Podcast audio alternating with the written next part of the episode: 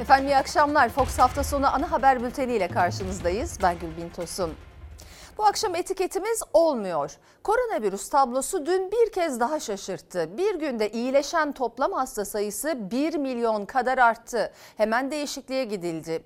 Daha iki gün önce de toplam vaka sayısında yine bir gündeki yükseliş dikkat ve tepki çekmişti. Bilim insanları her fırsatta şeffaflığın ne kadar önemli olduğunu anlatsa da bir türlü olmuyor.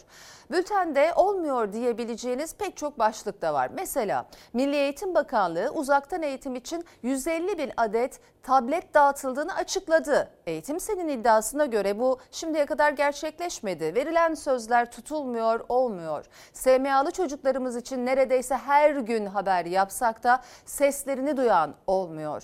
Siz de bu etiket altında olmuyor dediklerinizi bizimle paylaşabilirsiniz diyelim ve bültende öne çıkan başlıkları aktaralım.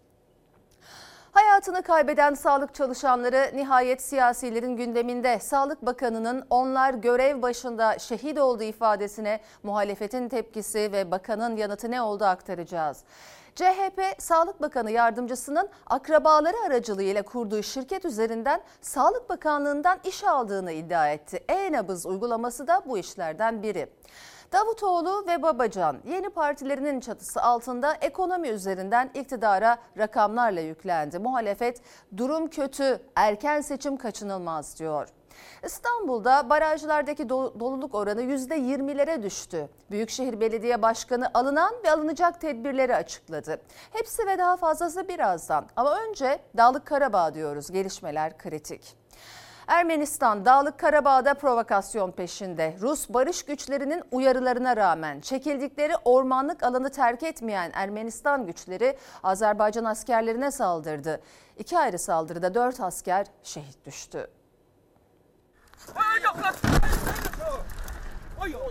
Ermenistan ateşkesi ihlal etti, dört Azerbaycan askeri şehit oldu. Aliyev Erivan'ı uyardı. Bu sefer onları tamamen yok ederiz dedi. Öz hoşuyla bunu imzalamır. Bunun hesabına imzalayır. Demir yumruğun hesabına. Dağlık Karabağ'da ateşkes sonrası Rus barış gücü bölgeye konuşlandı. Ateşkesin uygulanmasını kontrol edecek Türk-Rus Ortak Merkezi'nin kurulumu da Adam kentinde sürüyor. Ermenistansa yeni provokasyon peşinde. Bazı Ermenistan güçleri ateşkes sonrası Hadrut bölgesindeki ormanlık alana çekildi. Rus güçlerinin uyarılarına rağmen bölgeyi terk etmeyen gruplar Azerbaycan güçlerine ateş açtı. İki ayrı saldırıda dört asker şehit oldu, biri sivil üç kişi yaralandı. Bakü saldırıya gerekli karşılığın verildiğini açıkladı. Azerbaycan Cumhurbaşkanı Aliyev, Minsk grubu heyetiyle yaptığı görüşmede sert konuştu saldırıları terör eylemi olarak niteledi. İrivan'a gözdağı verdi. Herhangi bir askeri harekat planlamamaya çok dikkat etmeleri gerekir. Bu sefer onları tamamen yok ederiz. Bu kimse için sır olarak kalmamalı. Aliyev, Amerika ve Fransa eş başkanlarının bulunduğu Minsk grubu heyetine de tepkiliydi. Heyete kameralar önünde yüklendi. Grubun Karabağ sorununun çözümünde herhangi bir rol oynamadığını söyledi. Buraya gelmek sizin fikrinizdi. Kameralar önünde de tekrar söyleyebilirim ki Minsk grubunu buraya davet etmedim. Eğer kameralar önünde konuşmak isterseniz buyurun. Eğer istemezseniz çıkmalarını söyleyebilirim. Size kalmış. Bu arada Karabağ'ın işgalden kurtarılmasının ardından düzenlenen zafer töreni sonrası Türkiye-İran arasında yaşanan krizi düşüren hamle geldi. İki ülke Dışişleri Bakanları Çavuşoğlu ve Zarif, Cumhurbaşkanı Erdoğan'ın okuduğu şiirle tırmanan gerilimi görüştü. Mevlüt Çavuşoğlu, şiirin Karabağ'la ilgili olduğunu söyledi. Erdoğan'ın konuşmasında İran'ı ima bile etmediğini vurguladı. Türkiye Cumhurbaşkanı'nı hedef alan açıklamaların kabul edilemeyeceğini belirtti. Görüşme sonrası İran'ın Ankara Büyükelçiliği sosyal medyadan kardeşlik etiketiyle açıklama yaptı. Türkiye ve İran arasındaki yanlış anlaşılmanın giderildiğini söyledi. Ve koronavirüs gündemi diyoruz. Günlerdir iyileşen hasta sayısı 5000 civarında seyrediyordu. Dün açıklanan tablodaysa bir rakam dikkat çekti. Bir günde iyileşen hasta sayısı 20 bini geçmişti. Toplam iyileşen hasta sayısı 500 bine yakınken o da bir anda 1,5 milyona sıçradı. Sağlık Bakanlığı'nın her akşam açıkladığı koronavirüs tablosunda tepkiler sonrası yine değişiklik yapıldı.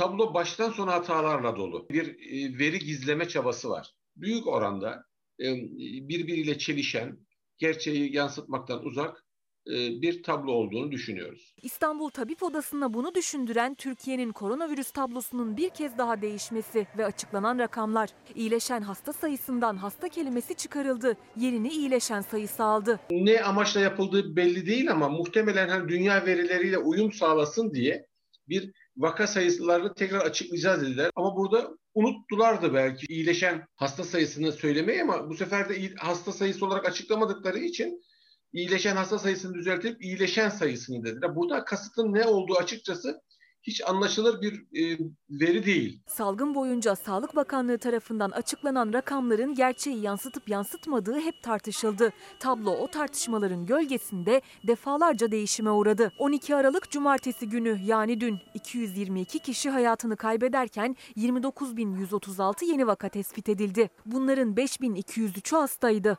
Ancak tabloda asıl dikkat çeken iyileşen hasta sayısı oldu. Günlerdir 5000 civarında seyreden iyileşen hasta sayısı bir günde 20 binlere çıktı. Ve toplam 458.109 olan iyileşen hasta sayısı bir anda 1 milyon 581 bin 565'e fırladı. tablonun bir tarafını düzeltiyorlar, öbür tarafından e, bir falsosu ortaya çıkıyor.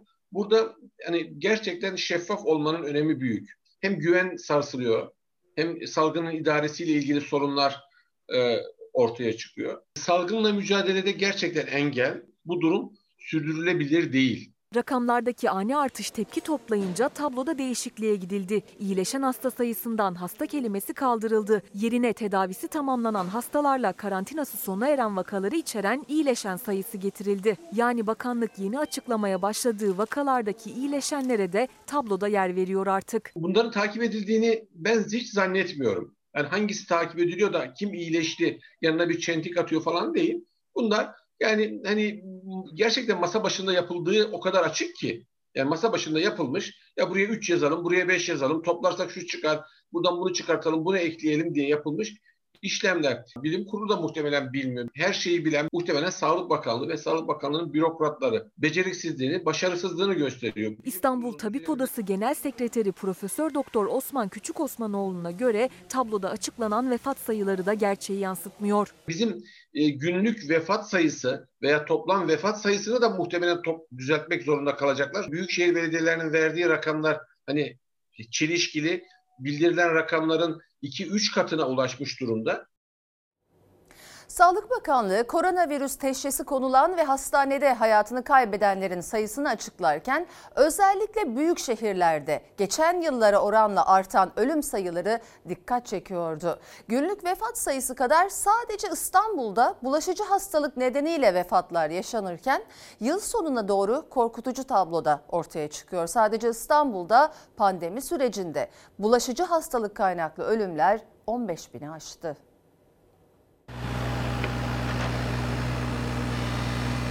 Bu ekstra 15 bin bulaşıcı hastalık. Doğru. 2020 yılında bir fark varsa ekstra bir sebep olmalı. Tüberkülozda bir artış azalma olmadı.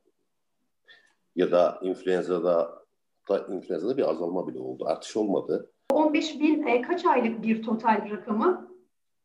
Mart ayın pandemi başladığı süreden Cuma günü ne kadar olan bulaşıcı hastalık sayısı. Önceki yıllarda kayıtlarda olmayan ve salgının başladığı Mart ayı itibariyle kayıtlara geçen bulaşıcı hastalık nedeniyle vefat sayısı İstanbul'da 15 bini aştı. Sağlık Bakanlığı'na göre son 24 saatte Türkiye genelinde 222 kişi koronavirüs nedeniyle hayatını kaybetti. Ancak İBB Mezarlık Daire Başkanlığı kayıtlarına göre son 24 saatte sadece İstanbul'da 152 kişi bulaşıcı hastalıktan vefat etti. Yani Sağlık Bakanlığı verileriyle mezarlık verileri hala birbirini tutmuyor. 15 bin rakamı aslında e, Sağlık Bakanlığı'ndan bize gelen e, ölüm raporlarından çıkar. Son 5 yılda hemen hemen aynı.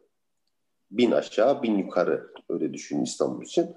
E, bu yıl ciddi bir fark olacaktır. İstanbul Büyükşehir Belediyesi Mezarlıklar Daire Başkanı Doktor Ayhan Koç'un ortaya koyduğu son 5 yılın tablosu işte bu. 5 yıldır aynı kalan ölüm verileri 2020 yılında üstelik yıl daha bitmeden iki katına ulaştı bile. Ortalama 6 bin olan aylık ölüm sayısı 2020'de 11.500 olmuş. Bir sebebinin olmalı. Yani ekstra. Elimizdeki veriler sadece bulaşıcı hastalık. Sağlık Bakanlığı birçok bulaşıcı hastalık var dese de doktorlara göre Covid dışında bu kadar fazla ölümün görüldüğü başka bulaşıcı hastalık yok. İBB kayıtlarına göre sadece İstanbul'da Mart ayından bu yana 15 bini aşan bulaşıcı hastalık kaynaklı can kaybı var. Oysa Sağlık Bakanlığı tüm Türkiye genelinde Covid nedeniyle toplam ölüm sayısının 16 binlerde olduğunu söylüyor. İstanbul'da Aralık ayında da bulaşıcı hastalık nedeniyle ölümler Kasım ayına göre artarak sürdü. 1 Aralık'ta 213 olarak kaydedilen bulaşıcı hastalık nedeniyle can kaybı 3 Aralık'ta 231'e çıktı.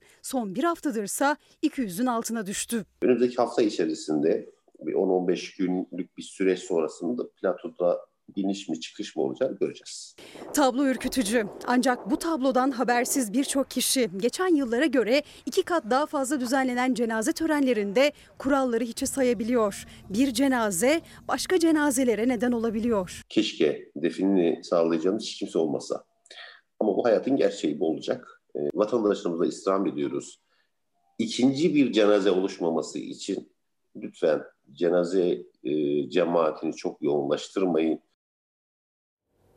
56 saatlik hafta sonu sokak kısıtlaması devam ediyor. Şehirler sessizliğe gömülse de kısıtlamayı ihlal edenler de vardı yine. Yasak firarileri cezadan kurtulamadı.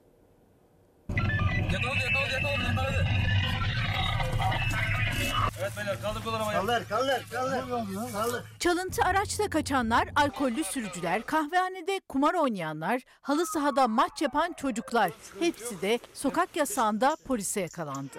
Yasak olduğu için sadece. Yani arabayı çalmakla da bir alakam yok. Yasak olmasaydı ben kaçmazdım. 56 saatlik hafta sonu kısıtlaması Cuma saat 21'de başladı. Şehirler o andan itibaren sessizliğe gömüldü belki ama yasağa uymayanların sayısı da az değildi.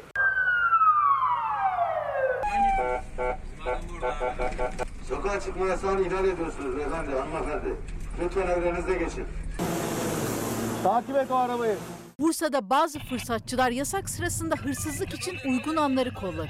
Çalıntı minibüste elektrik trafolarından kablo çalmaya çalıştığı ileri sürülen 5 şüpheli polisi 10 kilometre boyunca peşinden koşturdu. Esnaf izin belgesi bulunan bir genç ise 160 promil alkollü olarak direksiyon başına geçti, kokoreç yemeye gitti. Polise yakalanınca hem izin belgesi iptal oldu hem de ehliyetine el konuldu. Burada ne işiniz vardı yani?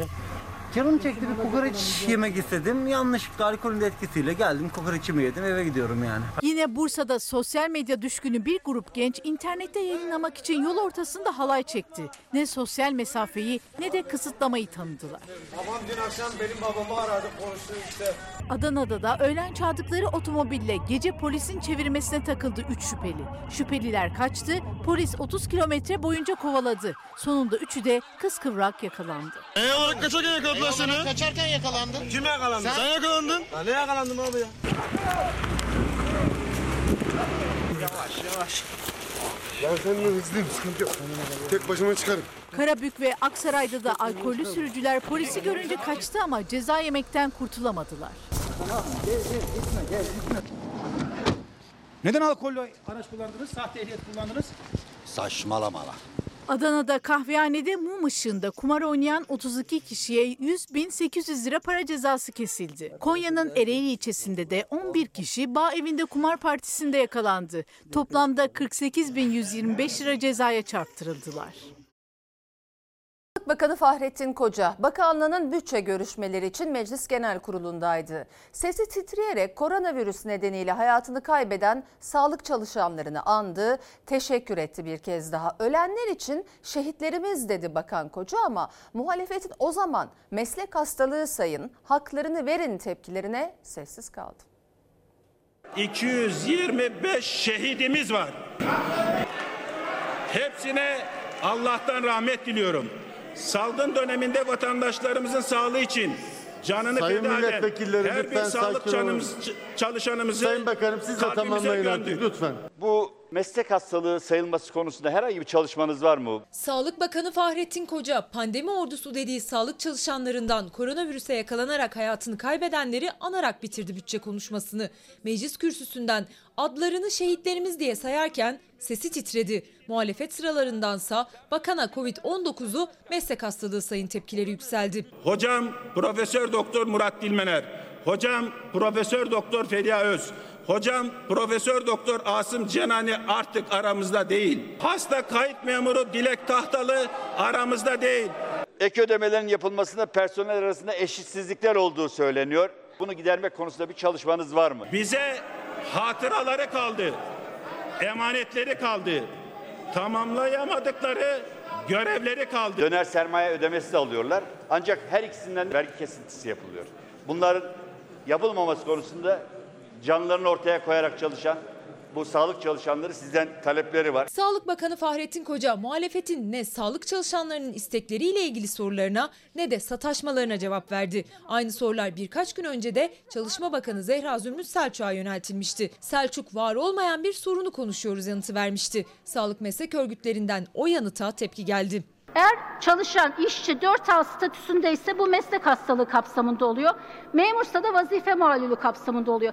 Dolayısıyla var olmayan bir sorunu konuşuyoruz aslında. Sağlık emekçileri laf kalabalığı değil, haklı taleplerinin karşılanmasını beklemektedir. Türkiye'nin sayılı profesörlerinden hemşirelerine, ambulans çalışanlarına kadar Bakan Koca'nın verdiği rakama göre 130 bine yakın sağlık çalışanı hayat kurtarmak isterken koronavirüse yakalandı. Kimi bir nefes için makineye bağlı, kimi hayatını kaybetti. Çalışma Bakanı'nın açıklamasına göre sağlık çalışanlarından 5'i vazife malul aylığı almak için başvurdu. Memur olan 2 kişiye aylık bağlandı. Şu ana kadar bize ulaşmış olan 5 başvuru var. 5 başvurunun ikisi memur statüsünde ve biz ikisini de vazife malulü kapsamında aylıklarını bağladık. İşçi memur arasında iş kazası, meslek hastalığı ile vazife muallülüğü arasında hem durumun tespiti hem de haklar açısından ciddi farklar bulunmaktadır. Vazife muallülüğü kamu görevlileri için uygulanmaktadır. Genel sağlık iş, sağlık çalışanları arasında memur işçi ayrımı yapılmaksızın Covid-19'un meslek hastalığı sayılmasını, bunun için de yeni düzenleme yapılmasını istiyor. Efendim Derya Hanım demiş ki bu pandemide sağlıkçıların haklarını ödememek adeta görmezden gelmek olmuyor demiş. Bir diğer izleyicimiz Nabi Bey, korona testleri evlerde yapılmalı hastanelerdeki sağlıkçıların iş yoğunluğu ortada. İyi yayınlar da dilemiş teşekkürler. Daha önce de bu gündeme gelmişti bazı bölgelerde bazı noktalarda e, şeyler oluşturulabilir noktalarda testler için e, belli noktalar oluşturulabilir ve böylece hastanelerdeki yük hafifletilebilir diye ama bu konuda da herhangi bir gelişme yaşanmadı şimdiye kadar. Sağlık Bakanlığı bütçe görüşmelerine muhalefetin soruları ve iddiaları damga vurdu. CHP'li Murat Emir, bakan yardımcısının akrabaları aracılığıyla kurduğu şirket üzerinden Sağlık Bakanlığı'ndan iş aldığını iddia etti. Bakan bu iddiayı yalanladı. Sayın Bakan iyi dinlesin çok sevdiği ve yeni transfer ettiği bakan yardımcısı. Eşi bir şirket kurar. E-nabız bu şirket tarafından yapılıyor. İhalelerin hepsi yağlı ballı. E-nabız Nisan 2015 yılında yapıldı. 2015'ten bu yana 1 liralık alışveriş gösterebileceğiniz bir fatura var mı? İnternet sitesine girerse de burada da var. E-nabızın da bir yerinde bir şekilde iş almış. Sağlık Bakanlığı'nın bütçe görüşmelerinde CHP'li Murat Emir'in ballı ihale iddiası tansiyonu yükseltti. Emir Bakan Yardımcısının 2003 yılında Sağlık Bakanlığı müsteşarı iken eşine şirket kurdurduğunu ve o şirket üzerinden bakanlıktan yüklü ihaleler aldığını iddia etti. Bu şirket Sağlık Bakanlığı'nın hastanelerinin online yazılım işlerini almaya başlar. Şimdi bu para helal para mı? Adalete de hesap vermeyebilirsiniz. Ama Allah'a nasıl hesap vereceksiniz? Emir Bakan Yardımcısı eşinin şirket ortaklığından ayrıldığını ama bu kez de oğlunun ortak olduğunu ve 2015 yılında e-nabız sistemini de bu şirketin yaptığını söyledi. Bakan Koca yalanladı. Emir'in gözlerinin içine bakarak. Bu şirketin aldığı ihaleler saymakla bitmez. Sağlık Bakanlığı'nın hasta yönetim sistemi, ICD kodu, hasta bilgilendirme sistemi, kamu ihaleleri, kamu bölge hastanelerinin ihaleleri, en son 2015'te e-nabız bu şirket tarafından yapılıyor. Gözlerini, yüzünü görmek istiyorum.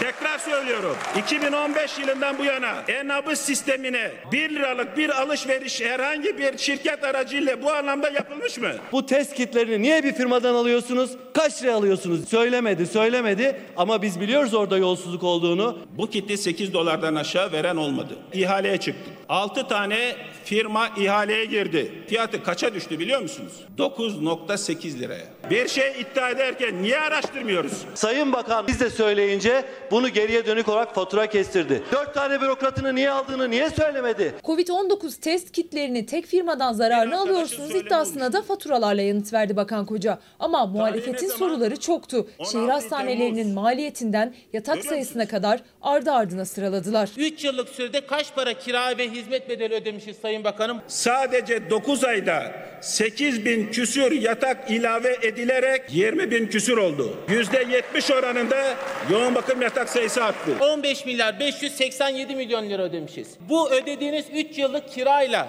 25.978 tane devlet hastanesi yatağına sahip olabilirdik. 500 yataklı 52 tane devlet hastanesi yapabilirdik. Bu vebal sizin üzerinizdedir Sayın Bakan. 25 yıl ödeyeceksiniz yazıklar olsun.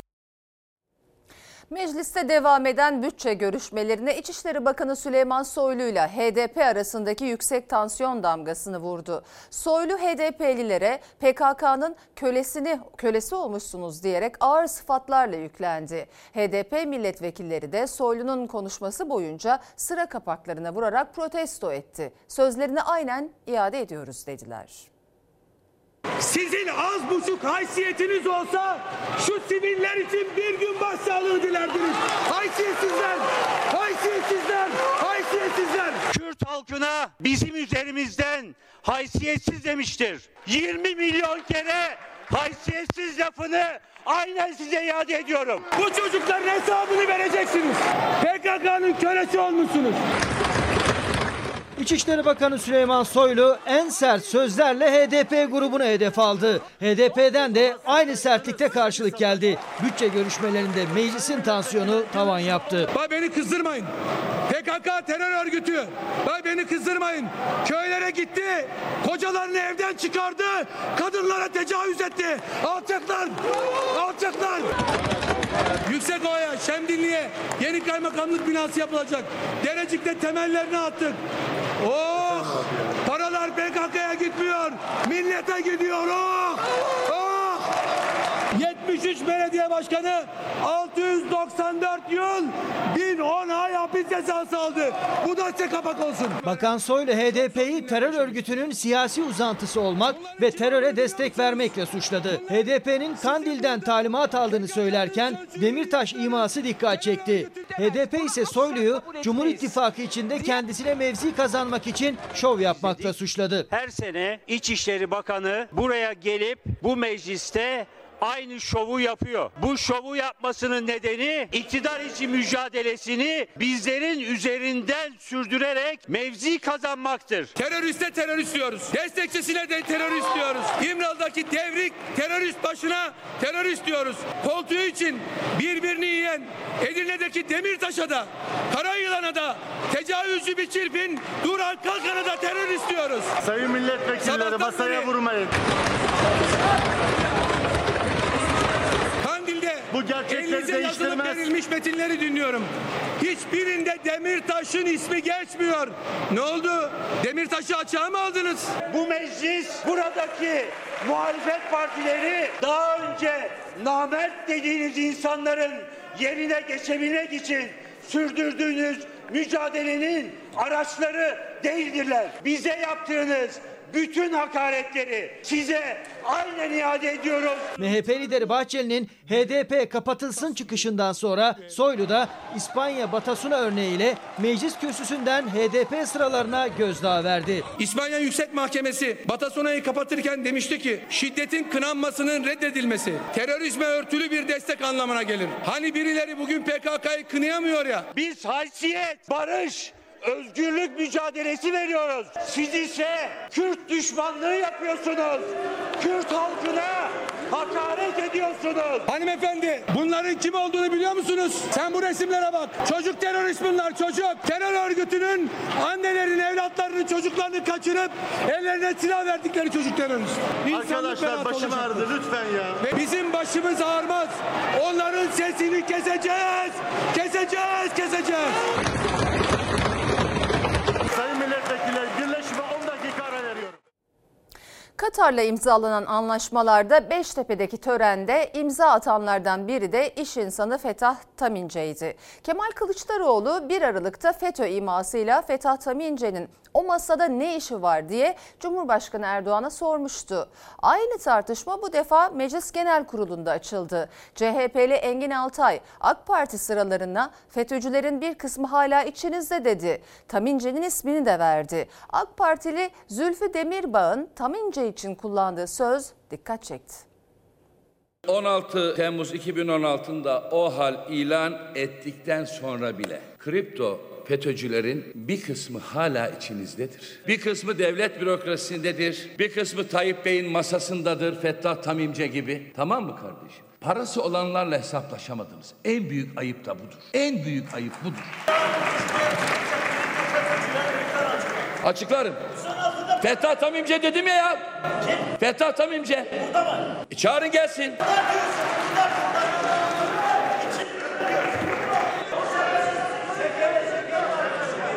CHP'li Engin Altay meclis kürsüsünden AK Parti sıralarına seslendi. Kripto FETÖ'cüler hala içinizde diyerek isim istedi AK Partili vekil. Katar'la imzalanan anlaşmalar sırasında masada olan iş insanı Fettah Tamince'yi dile getirdi. AK Parti sıralarından tepki gecikmedi. AK Partilileri ben bu konuda dört kategoriye ayırıyorum. Başından itibaren an itibariyle de FETÖ'cü olanlar var. 7 Şubat 2012 MİT krizinde FETÖ'yle yolunu ayıranlar var. 17-25 Aralık asrın yolsuzluk ve nüfus suistimalinden sonra FETÖ'yle yollarını ayıranlar var. 15 Temmuz 2016'dan sonra FETÖ'yle yollarını ayıranlar var. Bir de ayırmadıkları halde hala içinizde olanlar var. Fettah Tamimce. E, çağırın gelsin. AK Parti Elazığ Milletvekili Zülfü Demirbağ FETÖ içinizde eleştirisine bu sözle karşı çıktı. Tamince ismini ilk olarak CHP lideri Kılıçdaroğlu dile getirmişti. Tamince'nin devletler arası anlaşmaların imzalandığı masada ne işi var diye sormuştu. Fettah Tam İnce'nin o masada ne işi var? 17-25 olaylarından sonra Pensilvanya'ya giden kişi. O yoksa yurt dışından kara para getiren birisi mi? Onun getirdiği paralar dolayısıyla ona dokunmuyor musunuz? Para için devletin itibarı sarsılır mı? Erdoğan bunlara cevap verir mi? Veremez. Eski AK Partili Ahmet Davutoğlu ve Ali Babacan şimdi yeni partilerinin çatısı altında ekonomi üzerinden iktidara sert çıkışlar yapıyor. Ali Babacan iş bilmedikleri kötü yönettikleri için ülke ekonomik krizde dedi. 2021'de olacak olası bir erken seçime katılmak için de kongre takvimi yine 29 Aralık'a çekti. Ahmet Davutoğlu ise 1 Mayıs'tan sonra yapılacak seçimde biz de varız dedi. Enflasyon yok aslında dünyada. Türkiye'de enflasyon TÜİK rakamlarına göre yüzde on beş. Bu enflasyon çarkı içinde halk her gün fakirleştiğini hissediyor ve çaresiz. Tamamen talan edilmiş durumda ülkenin kaynakları. Merkez Bankası'nın yedek akçesi tüketilmiş, rezervi eksik, hazinenin borcu ikiye katlamış.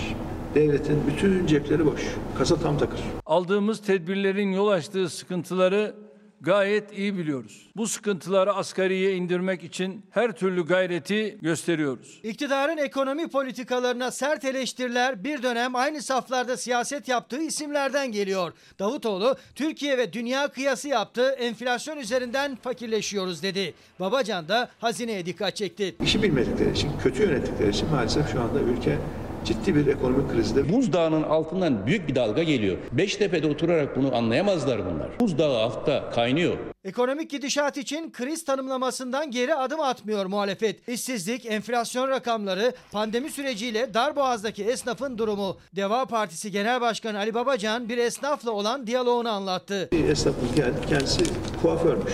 15 bin liralık bir arabam var dedi, 15 bin lira. Onu da bugün sattım dedi. Hala dedi şu anda 5 bin lira benim borcum var. Bir tane çocuk okutuyorum. İnsanlarda büyük bir ümitsizlik var. E, gençlerin her üçünden birisi işsiz. Bana bugün sorsanız Türkiye'nin geleceği için en büyük tehlike nedir? En büyük tehlike genç işsizliğidir. Hele hele okumuş genç işsizliğidir. Gelecek Partisi Genel Başkanı Ahmet Davutoğlu da başbakanlık dönemini hatırlattı. O dönem kendisiyle birlikte görev alan isimleri saydı. Zaman zaman o isimlerin Cumhurbaşkanı Erdoğan'ın eleştirilerinin hedefi olduğunu dile getirdi. Bugün yeniden o isimlerin görevlendirilmesine çattı. Sadece Lütfü Elvan değil, Cevdet Yılmaz da, Efkan Ala da, Naci Avala da benim bana karşı darbe yapılan parti içi darbe gerçekleştiren hükümetin bakanlarıydı. Bu arkadaşların geçmiş performanslarını bilirim. Meydan meydan faizci diyordu bize. Şimdi o faizci bakanları tekrar göreve çağırmış oldu kendince. Yüksek faize yatırımcımızı ezdirmememiz gerekiyor. Muhalefet ekonomi eleştirilerinde hız kesmezken erken seçim içinde ekonomiyi gerekçe gösteriyor. Durum kötü, erken seçim kaçınılmaz diyor. Hazırlıklar da bu yönde yapılıyor. Deva Partisi 2 ayda 43 ilde kongrelerini tamamladı. Olası bir erken seçime karşı da birinci olağan büyük kongresini 29 Aralık'a çekti. Hem Deva Partisi hem de Gelecek Partisi 2021'de olacak seçime hazır olmayı planlıyor. 1 Mayıs'tan itibaren olabilecek her seçimde biz varız. Uzaktan eğitimde yaşanan sıkıntıların başında öğrencilerin bilgisayar ya da tablet gibi cihazlara sahip olmaması geliyor. Milli Eğitim Bakanlığı 500 bin tablet dağıtılacağını hatta 150 bin adetinin dağıtıldığını açıklamıştı. Ancak o tabletler nerede henüz öğretmenlere bir bilgi gitmedi. Üstelik iddiaya göre tablet alınması için öğretmenlerden para istendi. Bizim en son yaşadığımız e, sıkıntı da diyebileceğimiz bir şey il valiliğimizin e, bu kampanyalar çerçevesinde okullara gönderdiği yazıyla e, okulların bilgisayar temini bu kampanyaya destek vermesi istendi. İddianın sahibi Eğitim Sen. Milli Eğitim Bakanlığı ihtiyacı olan öğrencilere 150 bin adet tablet dağıtıldığını açıklamıştı. Eğitim Sen'e göre bu verilmedi hatta tablet alımı için öğretmenlerden destek istendi. Valilikler aracılığıyla okul müdürlerine yazı gönderildiği öne sürüldü. E, eğitim emekçileri açısından bu kabul edilebilir bir şey e, değil e, gerçekten. Çünkü biz salgının en başından beri zaten mağdur öğrencilerimizle bir şekilde dayanışma yürütmeye çalışıyoruz. Salgının başından bu yana en büyük aksaklıkların yaşandığı alanlardan biri de eğitim. Cihazı olmadığı için uzaktan eğitime ulaşamayan öğrenci sayısı 4 milyon, dağıtılması planlanan tablet sayısı 500 bin adet, dağıtıldığı açıklanansa 150 bin adet. Ama iddiaya göre o kadar da dağıtılmadı ve sorun giderek büyüdü. Hangi kriterlerle, hangi öğrencilere, hangi ilde ne kadar tablet dağıtıldığına dair kesin bir bilgiye sahip değiliz. Herhangi bir ilimizde şimdiye kadar herhangi bir bilgisayar dağıtımı bu konuda mağduriyeti giderecek adımlar atıldığını görmedik. Eğitim Sen tablet dağıtılması bir yana bu konuda da öğretmenlerden destek istendiğini öne sürdü. Sendikaya göre öğretmenlerden tablet kampanyasına katılma çağrısı yapıldı. Bazı okullarda okulların kendi imkanlarıyla tablet kampanyalarına katılmaları istendiğini, öğretmenlerin bu konuda teşvik edildiğini, tablet alımı konusunda dair de bilgiler aldığımız oluyor. Eğitime eşitsizliğin en büyük nedenlerinden biri uzaktan eğitime ulaşmada yaşanan sorunlar. Tablet bir yana eşitsizliği arttıran başka konular da var. CHP Grup Başkan Vekili Engin Altay'ın hazırladığı rapora göre en zengin ailelerle en yoksul ailelerin eğitim harcamaları arasında 20,5 katlık fark var. Yaklaşık 13 aydır değişmeyen çiğ sütün satış fiyatı yılbaşından itibaren değişiyor. Sütü yıllardır sabit fiyat olan 2 lira 30 kuruştan satan üretici artık 2 lira 80 kuruşa satacak. Zaman içinde artan yüksek maliyetten dolayı yapılan 50 kuruşluk zam üreticiyi memnun etmedi. Tüketici ise günlük sütü ortalama 1 lira daha pahalıya alacak. Yaklaşık 4-5 aydır e, süt çiftçisi, aynı şekilde et üreten besi çiftlikleri de dahil e, çok sıkıntıda. Süt üretici kardeşlerimiz için büyük bir haksızlık oldu. Aynı bizim et olduğu gibi. Ulusal Süt Konseyi çiğ sütün yeni fiyatını açıkladı. Uzun zamandır artan maliyet yükü altında ezilen üretici haksızlık olduğunu düşünüyor. Çünkü çiğ süte yapılan 50 kuruşluk fiyat artışı üreticinin beklentisinin çok altında kaldı. Çiğ sütün litre fiyatı 2 lira 30 kuruştan 2 lira 80 kuruşa çıkarıldı. Litre başına devlet desteği ise 30 kuruş olarak açıklandı. Üreticiye büyük bir darbe oldu. Ne yazık ki. Yazık yani bu millet üretim için elinden geleni yapıyor. Lakin yine inekler kesilecek. 6-7 aydır beri süt inekleri kesiliyor. Matematik kesinlikle bunu doğrulamıyor. Hiçbir matematikle de bu fiyatın doğru olduğunu izah edemezler. Kasım 2019'dan bu yana yani yaklaşık 13 aydır çiğ sütün kilosu 2 lira 30 kuruştan satılıyor. Üretici zam yapamıyor, artan maliyetin altında ezildiği için de aylardır fiyat artışı yapılması için sesini duyurmaya çalışıyordu. Çünkü çiğ sütü sabit fiyattan sattığı 13 aylık süre boyunca sırtındaki maliyet yükü %60'ın üzerinde arttı. Örneğin üreticinin en büyük maliyet kalemi yem son bir ay içinde 6 kez zamlandı. Bu yüzde 60 artışın temel sebebi de biz yurt dışından gelen yeme bağımlıyız. Doların hızlı artış gösterdiği dönemlerde yem fiyatları tüccarlar doğal olarak zam yapıyorlar. Tarla maliyetleri yani buğday, mısır gibi Türkiye'de de yetiştirilen e, ürünlerde ithal olmayan ürünlerde de ciddi bir fiyat artışı oldu. Doğalgazı, mazotu, elektriği her yerden e, giriyor. Üretici hayal kırıklığına uğradı. 50 kuruş değil 1 liralık zam bekliyorlardı. Üreticinin yüzünü güldürmeye yetmeyen 50 kuruşluk zamsa tüketiciyi mutsuz edecek. Peynir, yoğurt, tereyağı, kaymak gibi süt ürünlerine zam olarak yansıyacak. Günlük sütün fiyatı da ortalama 1 lira artacak. Tüketiciler haksız bir fiyat artışıyla maruz kalmamaları için 1 litrelik günlük sütten bahsediyorum. Yani UHT süt vesaire değil. 1 litre günlük sütü biz 2.80'e sattığımız zaman onlar bunu 3 ile çarpabilirler. Çarptıkları fiyat raftaki olması gereken fiyat olarak kabul edebilirler. 8 lira 40 kuruş mertebesinde bir günlük süt fiyatı olacaktır. O da şu andaki fiyatlara göre yaklaşık 1 lira daha artacak anlamına geliyor.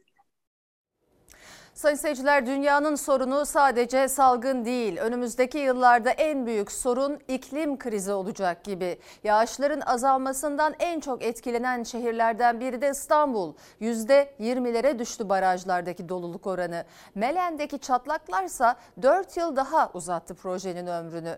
Büyükşehir Belediye Başkanı Ekrem İmamoğlu alınan tedbirleri açıkladı ve üstü kapalı Kanal İstanbul mesajı verdi. Şehri çıldırtmak zorundayız dedi. kuraklık bir gerçek. E, kuraklığı yaşıyoruz. Şu anda yüzde yirmilere gerilemiş bir e, baraj doluluğumuz var. Deniz suyunun da e, içme suyu olma konusunda çalışmalarımızda e, sürüyor. Barajlardaki kırmızı alarmı İstanbul Büyükşehir Belediye Başkanı Ekrem İmamoğlu da dile getirdi. Deniz suyundan içme suyu üretmek için harekete geçildiğini duyurdu. Çünkü yağış olmadığı gibi İstanbul'u besleyen su kaynakları da sorunlu. Daha önce gündeme gelen Melen Barajı'ndaki çatlakları DSİ de dile getirdi. Ancak sorun sadece Melen'le de bitmiyor. Bir sıkıntı da şu bilinmesini isterim. E, ıstırancalarda da bizim beslendiğimiz e, barajlarımız var. Trakya çok kurak. Ee, ve e, ne yazık ki oradan uzun zamandır su temini yapamıyoruz. İSKİ verilerine göre tüm kaynaklarda su miktarı en düşük seviyelerdi. Israncalarda %26,98, Terkos'ta %22,82, Sazlıdere'de %5,54, Ali Beyköy'de %28,54, Büyükçekmece'de %16,7, Ömerli'de %22,64, Darlık'ta %51,39. Devlet Su İşleri Genel Müdür Yardımcısı Oğuz Kasap, İstanbul'un su ihtiyacını karşılayan rezervlerde 3 aylık kaynak bulunduğunu açıkladı. Gözler Şubat ayındaki yağışlarda. Aralık, Ocak, Şubat aylarında mutlaka gelen yağışlarla dolduracağız. Ama bizim için önemli olan öncelikle Melen ve ondan sonra diğer yapacağımız barajlar. Ama 2024-2025 yıllarından önce Melen'i bitireceğiz. Yani Melen'de takvimler bir kez daha uzadı. Çünkü 3 çatlak tespit edildi barajda. Oysa 2018 yılında Melen'le İstanbul'un su sorununun kalmadığı meydanlardan duyurulmuştu. 2040'a kadar su sorunumuz kalmadı dendi. Görünen şu ki Melen'in İstanbul'a faydasına 4 yıl var. İstanbul'un su sorununu çözdük. 2040 yılına kadar böyle bir sorun yok. Ama 2020 yılının son aylarında su sorunuyla gündemde İstanbul. İBB Başkanı Ekrem İmamoğlu katıldığı bir YouTube kanalında acilen atılan adımları ilk kez açıkladı. Deniz suyunun da e, içme suyu olma konusunda çalışmalarımızda e, sürüyor. Bu konuda deneyimli, tedbirli yatırımcılarla görüşüyoruz. E, inşallah İstanbul'u e, susuz bırakmayacağız. Salgının ardından en büyük tehdit doğanın tahrip edilmesiyle oluşan iklim krizi. İşte bu nedenle susuzlukla karşı karşıya kalan İstanbul için gündemdeki projeler bir kez daha eleştiri konusu. İmamoğlu projenin adını dile getirmedi ama sözleriyle Kanal İstanbul'a karşı duruşunu bir kez daha ortaya koydu. Biz bundan sonra Çok tedbirli bir coğrafya olmak zorundayız. Şehrin sağını solunu çekiştirmemek zorundayız. Şehri çıldırtmamak zorundayız. Ee, çok tasarruflu bir kitleye dönüşmek zorundayız. Bir düzeltme yaparak geçeyim Ee, bir sonraki habere. İmamoğlu'nun aslında ifadesi şehri çıldırtmamak zorundayız. Benim hatam özürler devam edelim. Kirazlı Yayla'daki doğa cinayeti devam ediyor. Bölgede Çinko Bakır Kurşun Zenginleştirme Tesisi ve atık barajı için çalışma başlatan maden şirketi iddiaya göre ağaçları kesip göleti kuruttuktan sonra şimdi de dere yatağına beton döktü. Şu an ormanlık alan içerisinde dere yatağına beton dökülmüş. Devam ediyor. Çevreci olmakla övünen maden şirketi göleti kurutup ağaçları kesti. Şimdi de iddiaya göre dere yatağına beton döktü.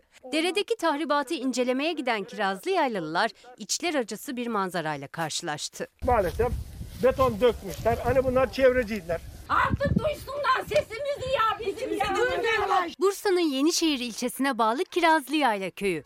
Köylülerin hukuk mücadelesi devam ederken başladı maden çalışması. Çinko Bakır Kurşun Zenginleştirme Tesisi ve atık barajı için yürütülen çalışmalar sonrası köylülerin hayvanlarının su içtiği, tarlalarını suladığı gölet kurudu. Bölgede çok sayıda ağaç kesildi. Kepçe yukarıda çalışıyor. Ağaç kesilen alan hepsi kesilmedi gerçi. Bir kısmı kesildi. Köylülerin iptal davası sonrası inceleme yapan 7 bilirkişi de benzer görüşler sundu. ÇED raporunun teknik olarak yetersiz olduğunu, tesisin insan sağlığını, bölgedeki tarım ve hayvancılığı olumsuz etkileyeceğini belirttiler. Bursa 1. İdare Mahkemesi o rapora rağmen davayı reddetti. Köylüler kararı Danıştay'a taşıdı. Aşağı kadar devam ediyor beton. Köylüler Danıştay'ın kararını beklerken proje alanındaki Sarıyer Deresi'nin kollarına beton döküldüğü ortaya çıktı. İşte az önce geldi beyefendi. Sizin ne işiniz var sahayı terk edin. Biz de şimdi geldik gördük. Bunlar da etmeye çalışıyorsunuz değil mi? Evet. Beton dökmüşler. Burası Sarıyer Deresi'ni besleyen bir kol. Şikayet üzerine Çevre ve Şehircilik İl Müdürlüğü görevlileri maden şirketine ceza yazdı. Sürdürülebilir bir madencilikten bahsediliyor ama görüyoruz sürdürülebilir bir madenciliğe dere yataklarına beton dökmek. Bu insanlar haklı. Neden haklı? Çünkü onların evi burası. 200 metre mesafe atık barajı yapacak. Kirazlı Yaylalılar mücadelelerine devam etmeye kararlı. Suyu korumamız gereken dönemde e, biz e, su yataklarının üzerine, onu besleyen kolların üzerine atık barajları yapıyoruz. Kirazlı Yayla bizimdir, bizim kalacak. Kenan Bey demiş ki SMA hastası olan çocuklarımız acı çekerken 156 ülkeye yardım ediliyor. Bir ülkenin ise IMF borcu ödeniyor. Başka bir ülkeye 5 milyon dolar hibe ediliyor. Adalet mi bu? Olmuyor demiş. SMA hastalarının sesini duy diye de eklemiş. Duyurmaya çalışıyoruz. Şimdi yine her zaman olduğu gibi sıradaki haberle. Minicik bedenleriyle 4 farklı makineye bağlı yaşayan SMA tip 1 hastası Esma ve İkra Deniz için zaman daraldı.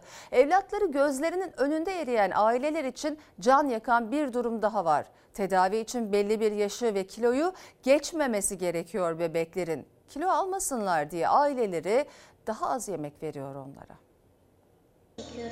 Benim kızımı kurtarın, benim kızımı ölmesin yalvarırım size. Esma'yı artık bir buçuk günde bir buçuk iki öğün yemek verebiliyoruz. Çünkü çocuğumun kilo almaması gerekiyor. Çocuğumu aç bırakıyoruz. Bir baba olarak en zorunu yapmak zorunda. Aç kalıp ağlasa da hayatta kalabilmesini sağlayacak tek doz ilaç için artık kilo almaması gerekiyor 2 yaşındaki Esma bebeğin.